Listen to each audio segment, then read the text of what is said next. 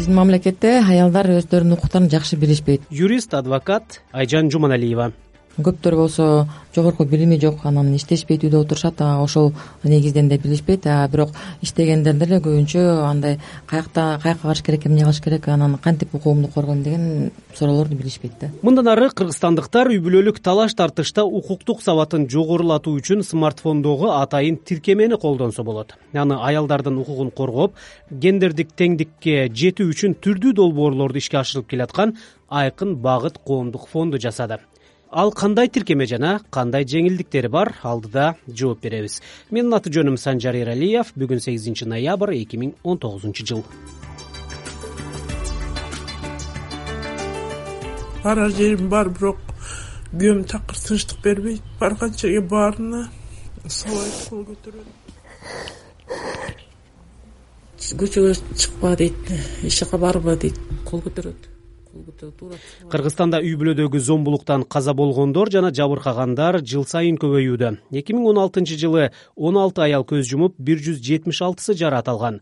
Эки миң он жетинчи жылы он үч аял каза болуп бир жүз сексен тогузу жабыр тарткан. Эки миң он сегизинчи жылы зомбулуктан алтымыш эки аял жашоо менен кош айтышып эки жүз сексен сегизи жараат алган. Мындай аянычтуу окуялардын дээрлик баары укуктук сабаттын жоктугунан өкүмзордукка каршы мыйзамдуу чара көрүү деңгээлинин төмөндүгүнөн.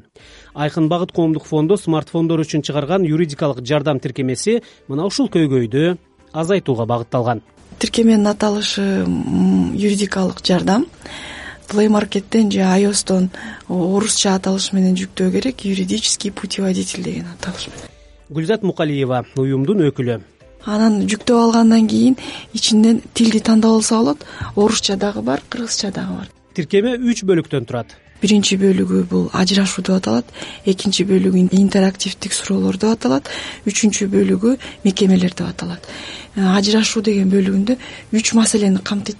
Ажырашуу ажырашуунун кесепетинен келип чыккан эгер жашы жете элек балдар болсо алимент төлөө анан үчүнчүсү балдардын ордун аныктоо атасы менен жашайбы же апасы менен жашайбы интерактивдүү суроолор дегенде ал жерде кандайдыр бир кыскача суроолор бар анын жоопторун ала алат да. А үчүнчү мекемелер дегенде ал жерде ушул маселелерди чечүү үчүн кайсы мекемелерге кайрылса болот? Категориялар менен бөлүнүп кетет. Укук коргоо органдары саламаттыкты сактоо органдары жана балдарды зордук зомбулукка кабылган учурларда кайсыл органдарга кайрылыш керек?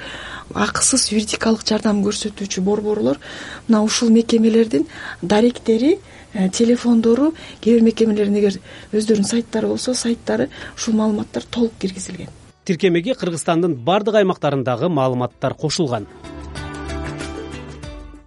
Көп эле аялдар кайрылат да бизге зордук зомбулуктан жабыркаган юрист адвокат айжан жуманалиева. Көбүнчө эле алар болсо алиментти кантип өндүрүш керек кантип ажырашыш керек каяка кайрылыш керек кандай документтерди алыш керек ошол жөнүндө суроолорду беришет анан кийин көптөр болсо жетпей деле калат юристтерге адвокаттарга деле жетпей калат. Же акчасы жок болот же тартынышат же тил билбей калышат. Ушундай маселелер болот да. Бул тиркемени болсо өз телефонго жүктөп алса ар бир эмелер жазылып турат. Мисалы ажырашкың келсе кандай жолдор бар? Каяка кайрылыш керек кандай документтерди чогултуруш керек каяктан алыш керек? Анан жанагындай госпоштаны каяка төлөш керек ошонун бүт баары тактап тактап баардыгы жазылган да. Мисалы болсо алимент өндүрүш жөнүндө болсо кимден алимент өндүрсө болот анан суммасы канча өлчөмү канча андан кийин качан канча жашка чейин алимент өндүрсө болот ошонун баары дагы жазылып турган. Мисалы ошо алимент өндүрүш үчүн доарус менен кайсы сотко барылыш керек? Анан доарустун дагы образеци ошол жакта турат да канча убакытта ушул маселелер чечилет. Андан кийин кандай справкаларды э, алыш керек ошонун баарын юристке кайрылганга чейин э, окуп баардыгын билип анан кийин ошонун баарын чогултуп андан кийин барса болот. Документтердин үлгүлөрү менен кошо эле биргеликте. Бул жерде ушул мисалы үчүн сотко кайрылуунун э, кандай кадамдары менен кайрылыш керек? Анан кандай документтерди топтош керек? Алгоритмдерди жазылган да кадамдардын алгоритми жазылган албетте бул жерде суроо жаралат. Тиркеме аялдар үчүн ганабы аялдар деле эркектер деле каралар деле балдар деле колдонсо болот биздин уюмга көбүнчө аялдар кайрылат да. Зордук зомбулуктан жабыркаган аялдар андан кийин ошондуктан биздин сөзүбүздө көбүнчө аялдар болуп атат бирок бул тиркемени болсо ар бир киши өзүнүн телефонуна жүктөп алып ар бир киши колдонсо болот мисалы үчүн үй бүлөлүк кодексти ачса анда баягы беренелер ар кайсы жакта жазылган да а бул жерде ушул үч маселе боюнча гана топтолуп такталып жазылган да анан муну мисалы үчүн кээ бир өкмөттүк эмес уюмдарда мындай дайыма отурган юристтер дагы жок да. А бирок келген адамдар кайрыла берет да. Мисалы үчүн аялдар болобу сиз айтмакчы эркектер болобу кайрыла берет. Кайрылганда юристтер жок болсо дагы мисалы үчүн бул мобилдик тиркем аркылуу дагы маалымат алса болот да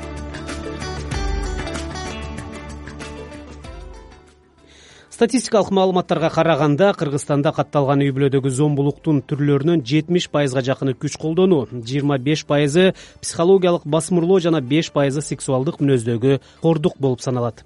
Сиздин үй бүлөдө зомбулук болбосун адамдын укуктары дайыма урматталсын. Биз айкын багыт коомдук фонду чыгарган юридикалык жардам тиркемеси жөнүндө айтып бердик. Менин аты жөнүм санжар эралиев